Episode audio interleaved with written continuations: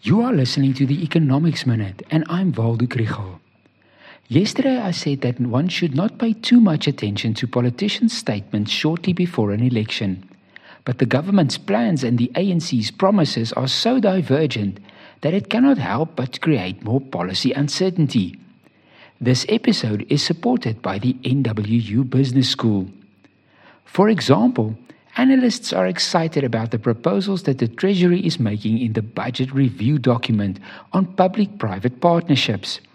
It says that the regulatory framework will be adjusted to make PPPs less complex, that capacity will be developed to support and manage partnerships.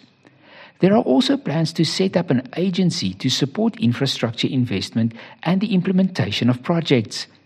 This should help reduce fragmentation and duplication. It tells about the projects that are in the pipeline and how PPPs are now the mechanism to involve private sector financing and expertise in infrastructure development. The opposite of this is in the ANC's election manifesto that was made public at the weekend. Many of us would agree on the goals, such as economic growth and job creation.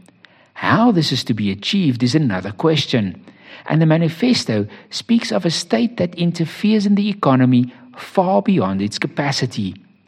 I am skeptical about master plans and localization because wanting to protect industries and jobs are ineffective. An export tax on raw materials to encourage local value addition would be a disaster. Similarly, prescribed asset requirements are not the way to mobilize savings for infrastructure development. A state bank is a bad idea, and creating more jobs in the public sector is unaffordable. One could say that the budget review and an election manifesto should not be compared, but it's only logical to promise something to almost everyone just before an election.